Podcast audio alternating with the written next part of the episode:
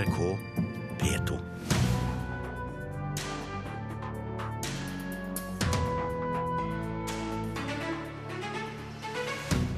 «861 nordmenn har bedt Google om å fjerne søkeresultatene om dem. Britiske filmer må vise mangfold både foran og bak kamera for å få støtte. Og Dolly Parton kommer til Norge.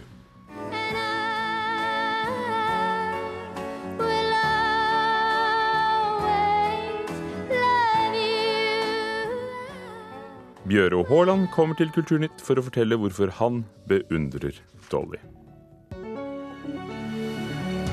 Her i Nyhetsmorgen i NRK med Ugo Fermariello i studio. 861 nordmenn har altså bedt nettstedet Google om å fjerne søkeresultatene om dem. I mai i år åpnet eh, selskapet for at privatpersoner kan få søke om at artikler om dem ikke skal komme opp når navnet deres søkes på Google. Dette etter at EU-domstolen slo fast at eh, vi har rett til å bli glemt på internett. Jeg snikgoogler meg selv, så jeg ikke kommer for samme overraskelsen. da.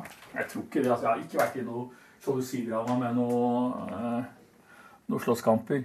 Gisle Hannemyr er professor i informatikk, og gjør som mange andre nordmenn. Han googler seg selv.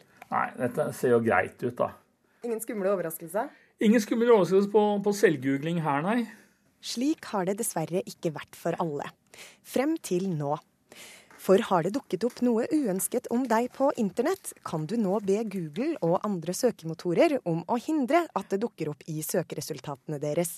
Siden en EU-dom fastslo dette i midten av mai, har 861 nordmenn bedt Google fjerne nesten 4000 lenker. Gisle Hannemyr synes det er bra at folk sier ifra. Google er jo i første rekke en flott verktøy for å finne informasjon.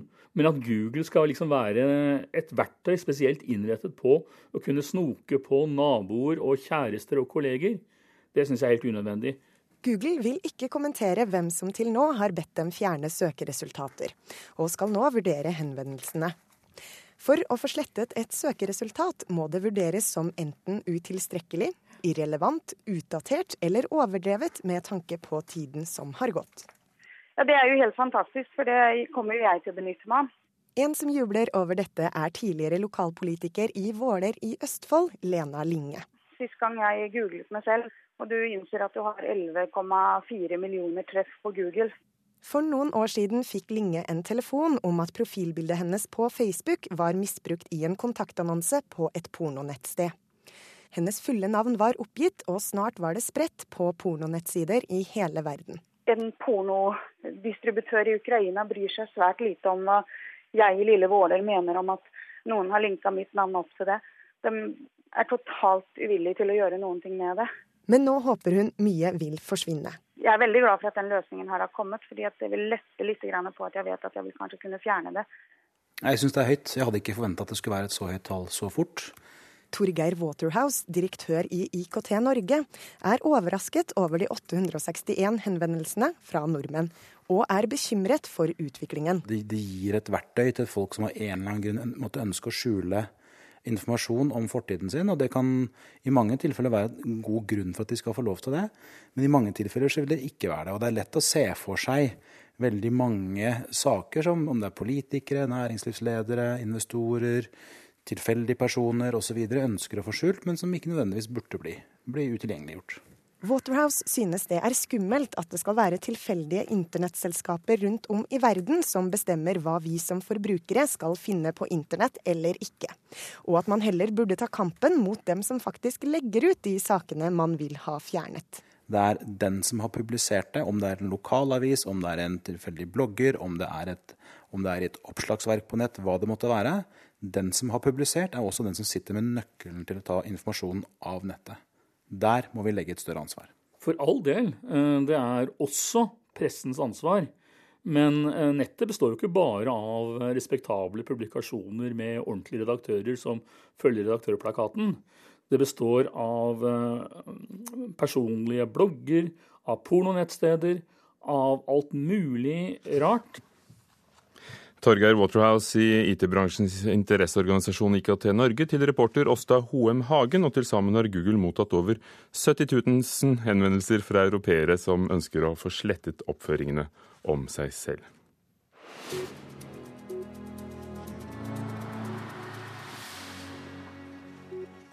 Maleriet 'Den hellige praksedis av Fermer' ble i går kveld solgt for 60 millioner kroner ved auksjonshuset Christies i London. Bildet ble på forhånd vurdert eh, opp mot 80 eh, millioner kroner, men gikk altså for 20 millioner kroner mindre. Maleriet er ett av bare to av den nederlandske 1600-tallskunstneren i privat eie. 37 bilder av Fermer er bevart, og hans mest kjente er 'Piken med perleøredobb'.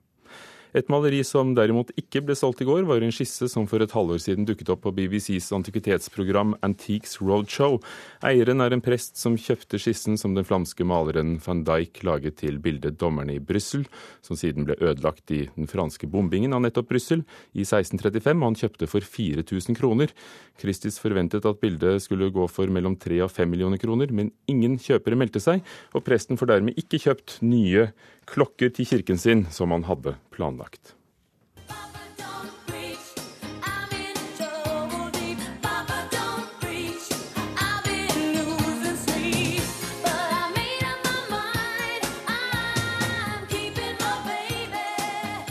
Popartisten Madonna slapp å være meddommer i retten i New York mandag denne uken, som hun var innkalt til å være. Popstjernen dukket opp én time for sent og ble sendt hjem etter to timers venting fordi retten mente oppstyret rundt en så kjent person ville forstyrre arbeidet. Madonna rakk imidlertid å legge ut et bilde på internett merket med til tjeneste for fedrelandet. Det britiske filminstituttet innfører nye kvoteringsregler for å sikre mangfold eh, både på lerretet og bak kamera. Instituttet deler årlig ut rundt 250 millioner kroner i filmstøtte, men fra 1.9 i år må alle som søker om støtte, oppfylle mangfoldskrav. What is right can never be impossible. What has she been named? Dido Bell Lindsay. She takes your name. I am not ashamed. We will call her Dido. I periodedramaet Bell, som kom ut i fjor, skaper en sjøoffiser kraftige bølger i det britiske aristokratiet når han i 1799 kommer hjem fra de vestindiske øya med en uekte datter om bord. En datter med en mørkhuda mor. What of your mother? I know very little of her other than the color she has given me. Then at least you know she was beautiful. Bell er et av eksemplene det britiske filminstituttet trekker fram som det de nå vil ha mer av i sin hjemlige produksjon, mangfold.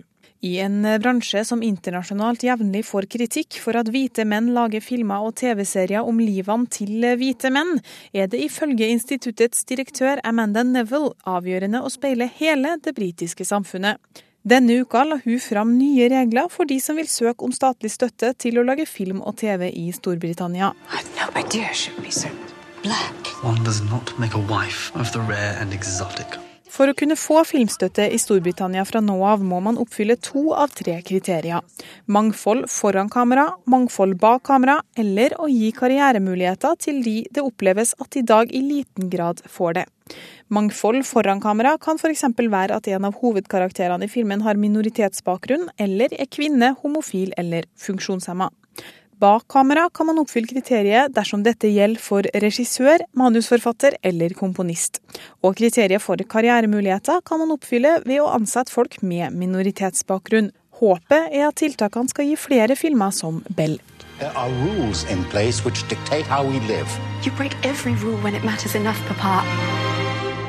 I am the evidence.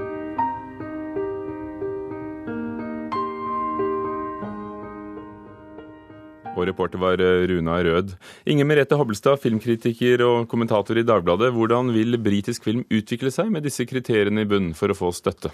Eh, nå er det jo massevis av begavede filmstemmer i Storbritannia, så man får håpe de klarer å finne måter å, å realisere eh, prosjektene sine på, enten de handler om forskjellige ymse typer minoriteter eller ikke. Vil det bli bedre Men, filmer? Det kan jeg aldri tenke meg. Eh, jeg syns dette virker eh, svært eh, drakonisk og, og, hemmende. Og ikke minst er det leit fordi det på en måte legger vekt på forskjellene ved folk og ikke likhetene. tenker jeg. Altså Det er liksom som at det viktigste ved deg er at du er kvinne, eller at du tilhører en etnisk minoritet, eller en seksuell minoritet. At det skal være vesentlig, det vesentligste kriteriet da, for om du får jobb eller ikke, for om historien din eller ikke er verdt å fortelle. Jeg syns det legger sterke, altså altfor sterke føringer på en bransje som er avhengig av en frihet og av at de beste historiene blir fortalt. Så har også produsentene reagert i Storbritannia, men foreløpig er disse gravene bare kommet. I Norge har vi hatt tilsvarende diskusjoner. Mm. Er det en parallell til den diskusjonen som har foregått i filmmiljøet i Norge? Det har vært snakk om radikal kvotering i Norge også, som så langt ikke har, har vunnet gehør. Jeg har vært eh, sterkt mot det eh, hele tiden. Eh, altså det, det, som du kan si er et poeng, da, det er at det er veldig mange hvite menn som forteller historiene sine, som det blir gjort et, et poeng av her. Og jeg tror, også, tror, nok også at når det er miljøer der det er en overvekt av det ene eller det andre kjønnet f.eks., så har det med å virke selvforsterkende. altså Veldig mye skjer på sosiale arenaer hvor man utveksler ideer og foreslår ting sammen osv. Så, men, så jeg har forståelse for at når man har en offentlig finansiering av film, at man prøver å legge et sånt mykt trykk på Eh, at andre grupper skal slippe frem, og iallfall prøver å eh, fjerne eventuelle hindringer som må ligge i veien for dem. At man gjør det lett å lage film samtidig som man har barn osv. Men når det kommer til hvem som skal få støtte eller ikke, eh, så er det klart at da er det de beste og mest komplekse eller interessante eller meddrivende historiene som må få støtte. For argumentet for, argumentet for kvotering er jo nettopp at dette er offentlige penger, og på en eller annen måte skal gå både til noen som speiler alle i samfunnet, og, og for at også de som er, ikke er inne i etablissementet, får anledning til å, å vise seg. Ja, men For min del så kan jeg ikke se at det tjener noen uh, at det er historier som kanskje ikke er ferdige ennå, ikke ferdig tenkt, ikke, men som får støtte fordi man skal ha inn en viss, uh, en viss kvote av en viss uh, andel av befolkningen. Og det som, Et poeng i Norge hvis man snakker om kjønnsbalansen ved det, altså der det vært, kommer det jo jevnlig opp kritikk hvis det kommer, hvis Filmfondet, Filminstituttet utdeler støtte, og så er det ikke 40% kvinner i nøkkelroller i prosjektene som er det uttalte målet målet. Men sist i hvert fall jeg skrev om dette og kommenterte det, så var det jo 17% kvinner blant søkerne. Så du kan si at hvis man ut av en søkemasse der det er 17% kvinner, tildeler støtte til 40 kvinner, så er det jo de facto diskriminering av menn. Eh, og det vil gjøre at det er gode historier som ikke, ikke kommer frem, og det, det har vi, ikke, vi, har ikke råd til å miste dem. I Storbritannia er dette da blitt innført nå da, av det britiske filminstituttet, skal gjelde fra 1.9. Har du hørt om lignende strenge krav? Eh, det har jeg ikke. Nå må jeg tilstå at jeg er ikke helt oppdatert på de forskjellige film, filminstituttenes gjørende gjøren og laden i forskjellige land, og jeg vil bli overrasket om dette er noe som blir implementert andre steder, for det virker svært hemmende. Men speiler det en mangfoldstrend i Storbritannia? Eh, Storbritannia har jo vært jevnt over eh, veldig eh, oppsatt på å legge til rette for mangfold i mange deler av samfunnet. Eh, de har jo tillatt eh, hijab i politiet, du så det da det var OL, at de hadde en eh, funksjonæruniform som tillot hijab og var til, ganske tildekket osv. Så, videre. så du kan jo se for deg at dette er en slags fortsettelse av, av, samme tankegang. Samtidig er det jo litt underlig fordi også den eh, regjeringen som har vært ute nå, har vært ute, og David Cameron har jo sagt famøst at det multikulturelle samfunnet har feilet osv. Og, så videre, og sett etter nye måter eh, å, å, leve sammen på i Storbritannia enn det som har vært liksom, slik man har sett det for seg til nå. Så litt, eh, litt overraskende kanskje slik sett. Tydeligvis også politisk mangfold eh, i dagens Storbritannia. Takk skal du ha, Inger Merete Hobbelstad, kommentator fra Dagbladet. Klokken er 16 minutter over åtte. Du hører på Nyhetsmorgen i NRK. Israel har bombet 160 mål på Gazastripen det siste døgnet. Det opplyser den israelske hæren. Kripos advarer mot nye MC-klubber som etablerer seg i Norge. De frykter de står bak organisert kriminalitet. Og høyt utdannede unge sliter med å få seg jobb. Det er færre utlyste stillinger i Norge nå enn for ett år siden. Den norske artisten St. Thomas får sin egen dokumentarfilm. Det er to briter som lager den, og dem skal vi møte senere her i Kulturnytt. I kveld opptrer Dolly Parton i Norge. Den amerikanske artisten er på sin verdensturné Blue Smoke World Tour. I kveld står Oslo Spektrum for tur.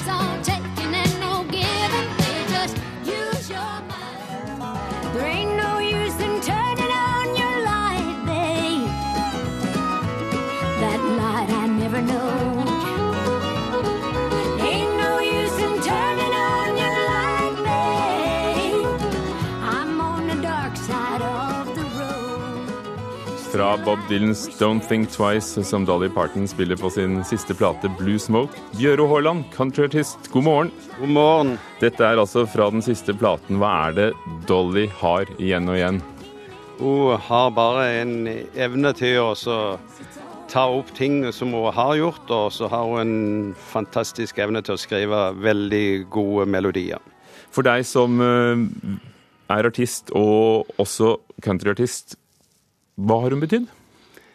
Hun har betydd én ting, og det er det at jeg har plukka fram uh, ting som uh, hun har skrevet om seg sjøl. Og, og, jeg har møtt folk som uh, tidlig 70-tallet som møtte en mann som het George Hamilton the Fourth. Han er jo en kjent artist som sang Aberlin en gang i tida. og, og han ga meg en kassett i den tida, og så sa han det at denne dama må du lytte på, for det kommer til å skje noe med henne. Hun kommer til å bli veldig stor, det tror jeg, sa han. Så han tykte det var veldig interessant å ha med denne kassetten og spandere den på meg. Det tykte var veldig gøy, for det har jo skjedd, det han sa.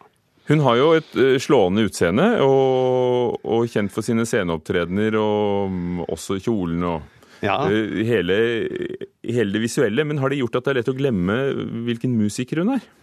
Nei, det er ikke for meg, altså. For jeg har sett og hørt henne, og, og hun er jo ekstrem. Hun spiller jo flere instrumenter, og så har hun jo et humør og en smittende latter og gjør ting. og jeg husker jo spesielt godt i den tida hun og Kenny gjorde ting, for da var jeg på en pressekonferanse der de releaste julealbumet sitt i Nashville en gang i tida.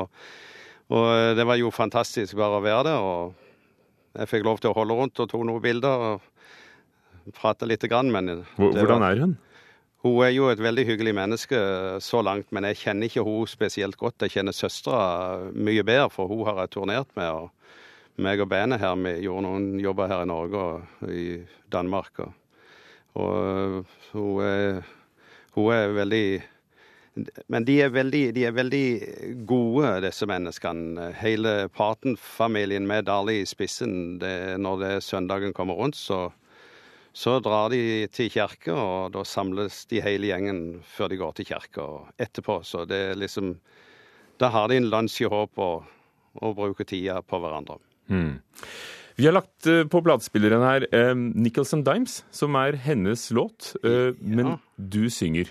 Ja, jeg synger, ja. Det gjorde jeg i 1980, og da tok jeg med denne her, for det er jo en historie om henne sjøl, der hun står på hjørnet. for som ung jente så fikk hun lov å dra inn til byen i håp med noen av søsknene, og, og da sto hun på gata og spilte gitar, og kassen foran seg, og, og spilte for Nicholson Dimes, som denne sangen handler om. Og så skrev hun denne sangen her og i håp med broren sin.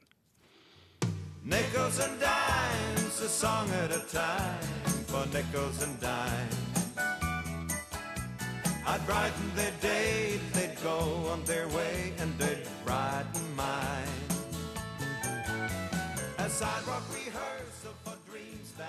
Har hun utviklet seg, Bjøre Haaland, med tiden? Ja, jeg vil si det. Når hun kom med denne her uh, I Will Always Love You, som de laga filmer av Whitney Houston sang, og lagde verdenskjent uh, på andre måter enn Dali sjøl hadde klart. Uh, og så, så vi, vi lytta på litt andre typer låter, men, men, det er jo en fantastisk melodi. Og hun har noen historier i alle disse låtene, tykker når hun gjør de tingene hun gjør. Så Både et, du og Dolly Parton har lykkes i å nå store publikum. Hva er hemmeligheten med en god countrylåt som, uh, som får folk uh, hekta? Jeg vil si det som i dag mer og mer har blitt tekstene. For i dag betyr tekster mer enn vi kanskje tenker. Noen sier 'bryr meg ingenting om tekster', og det er jo riktig. Men hvis det du skjønner hva de sier, og du skjønner undertoner i mange av melodiene, så kan du lese veldig mye ut av i tekst. Så den tror jeg den formidlinga, iallfall som jeg gjør, og som jeg mener Darley Parton har gjort i, gjennom årene, det er noe av det som henger med menneskene. Takk skal du ha, Bjøre Haaland om Dolly Parton og musikken. Hun spiller altså i kveld i Oslo Spektrum.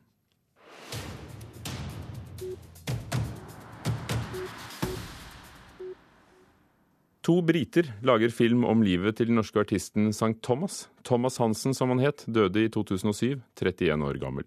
Prosjektet har de fått finansiert gjennom nettstedet Kickstarter, der norske fans og venner av St. Thomas har donert vinylplater og hans egen gitar til innsamlingen. Nå er filmskaperne i Oslo for å gjøre det siste arbeidet med å samle sammen historiene om St. Thomas. Visit uh, Korg. Old, old De to kompisene Richard Knights og Gary Reynolds er på vei til den norske skuespilleren Henrik Horge. Take almost any of these buses. They have beautiful Norwegian names on them, and you'll be good to take Alvan or Flas Flaskebæk. Horge er i dag mest kjent for å ha spilt i TV-serier som f.eks. Julekongen, Dag og Lillehammer. Han gikk på samme videregående skole som Thomas Hansen, og spilte senere i flere band sammen med ham. In first grade, this guy scared the hell out of us. And there's a couple of photos of him. Og på terrassen hos familien Horge får de to tilreisende se hundrevis av gamle bilder.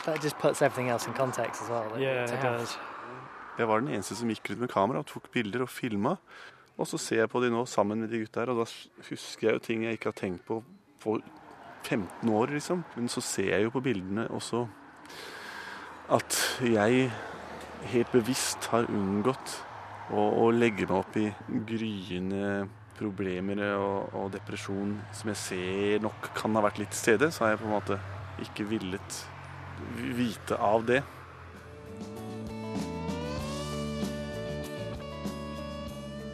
De to britene jobbet sammen i MTV i London da de først begynte å høre på St. Thomas. Men det var da de prøvde å undersøke hvorfor han ikke hadde gitt ut noe musikk på en stund, at de oppdaget at han var død.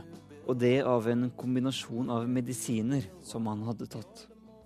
It then led me to research a bit more into you know, what actually happened and, and find out a bit of background about um, Thomas's life there was something there in his music which was different to um, to a lot of stuff out there, which is pretentious and, and false and things like this. Whereas Thomas' music was so honest, and there's songs there that can that'll make you cry just from the melody as well. You know, "Strange Out of Blue" is just beautiful. There's a girl down in the corner.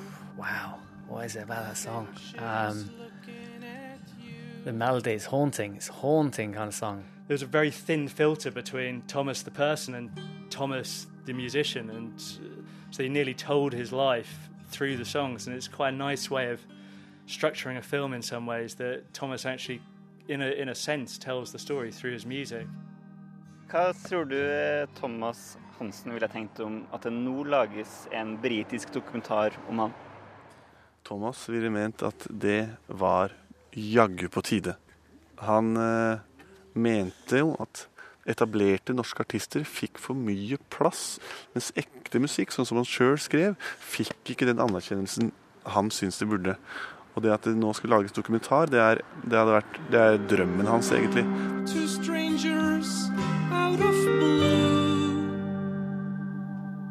Strangers Out of Blue med St. Thomas. Filmskaperne ønsker seg en premiere i Oslo eller Bergen, og reporter var Remi Horgard. Beatles blir åpningsfilm under den norske filmfestivalen i Haugesund. Filmatiseringen av Lars Saabye Christensens roman er regissert av danske Peter Flint, og akkompagneres av kjente Beatles-låter. Filmen er en humoristisk og følsom fortelling om tenårenes usikkerhet og søken, skriver festivalen selv. Filmen får vanlig kinopremiere 29.8. Den italienske forfatteren Paolo Giordano fikk Italias høyeste litterære utmerkelse for debuten, 'Primtallenes ensomhet'. Nå er han tilbake med en roman om unge italienske soldater på fredsoppdrag i Afghanistan. Det er en bok som røsker i leseren, sier vår anmelder Anne Katrine Straume. De er fra Italia, men dette kunne like godt vært en beskrivelse av unge norske soldaters tilværelse i Afghanistan.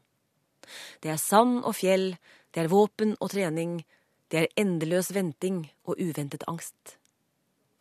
Italienske Paolo Giordano solgte over én million eksemplarer av debutboken sin 'Primtallenes ensomhet'. Nå imponerer han igjen med en lettlest, av alle ting, og dyptloddende fortelling om unge menn i krig. For det må vel kalles krig, de fredsbevarende operasjonene i Afghanistan? Bare det å kalle en roman 'Menneskekroppen', Menneskekroppen er sårbar og utsatt, samme hvor veltrent og disiplinert den er.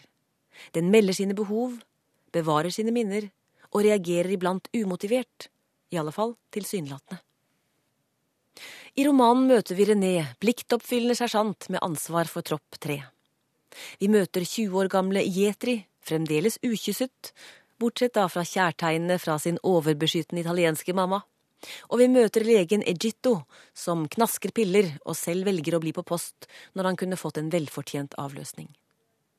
Her er Sampieri, som er eneste kvinne, og slabbedasken Cederna, dyktig militær, men selvopptatt, manipulerende, umoden. Alle er de på basen Fob Ice, en utsatt og falsk trygghetsboble i ørkenen, der det å bevege seg utenfor innebærer høy risiko for veibomber, bakholdsangrep og snikskyttere. Menneskekroppen er en kollektivroman der vi følger de ulike soldatene, selv om legen Egitto etter hvert blir en bærende stemme og den som i korte kapitler får fortelle i jeg-form. Det er også ham vi blir best kjent med som et menneske med en historie utenom hæren. Jeg røper vel ikke for mye når jeg sier at voldsom død er en ingrediens i romanen, der Paolo Giordano også skildrer den krigen som pågår mellom soldater i samme tropp, og kampen som foregår i hver enkelt kropp. Kan man skrive underholdende om krig? Må ikke språk, syntaks og struktur bryte sammen når virkelighetens gru skal dokumenteres? Paolo Giordano skriver både lett og underholdende, intriger og episoder kunne vært tatt ut av en TV-serie. Språket er muntlig, fint oversatt av Hilde Sofie Plau. Et eksistensielt mesterverk skrevet for klassikerstatus er dette ikke. Men romanen føles ikke overfladisk av den grunn. Paolo Giordano holder frem erfaringer som for mange unge soldater er hverdag, og som, på linje med barndomsopplevelser og andre livserfaringer, blir en del av det mennesket de skal være, og den kroppen de skal bære med seg til sine dagers ende sa Anne Katrine Straume om Paolo Giordanos eh, nyeste roman, og du kan alltid lese anmeldelsene våre på nrk.no. Chanel må forandre oppskriften på sin berømte parfyme Chanel nummer fem. Parfymen må endres pga. et nytt EU-forbud mot ingrediensen eikemose, som trer i kraft neste år. Eikemose skal forbys fordi det skaper allergiske reaksjoner, skriver Aftenposten. Nummer fem er verdens mest kjente parfyme og har vært solgt siden 1921. Hanne Lunås var teknisk ansvarlig for Kulturnytt, Gjermund Jappé produsent og Ugo Fermariello programleder her i Nyhetsmorgen. Hør flere podkaster på nrk.no podkast.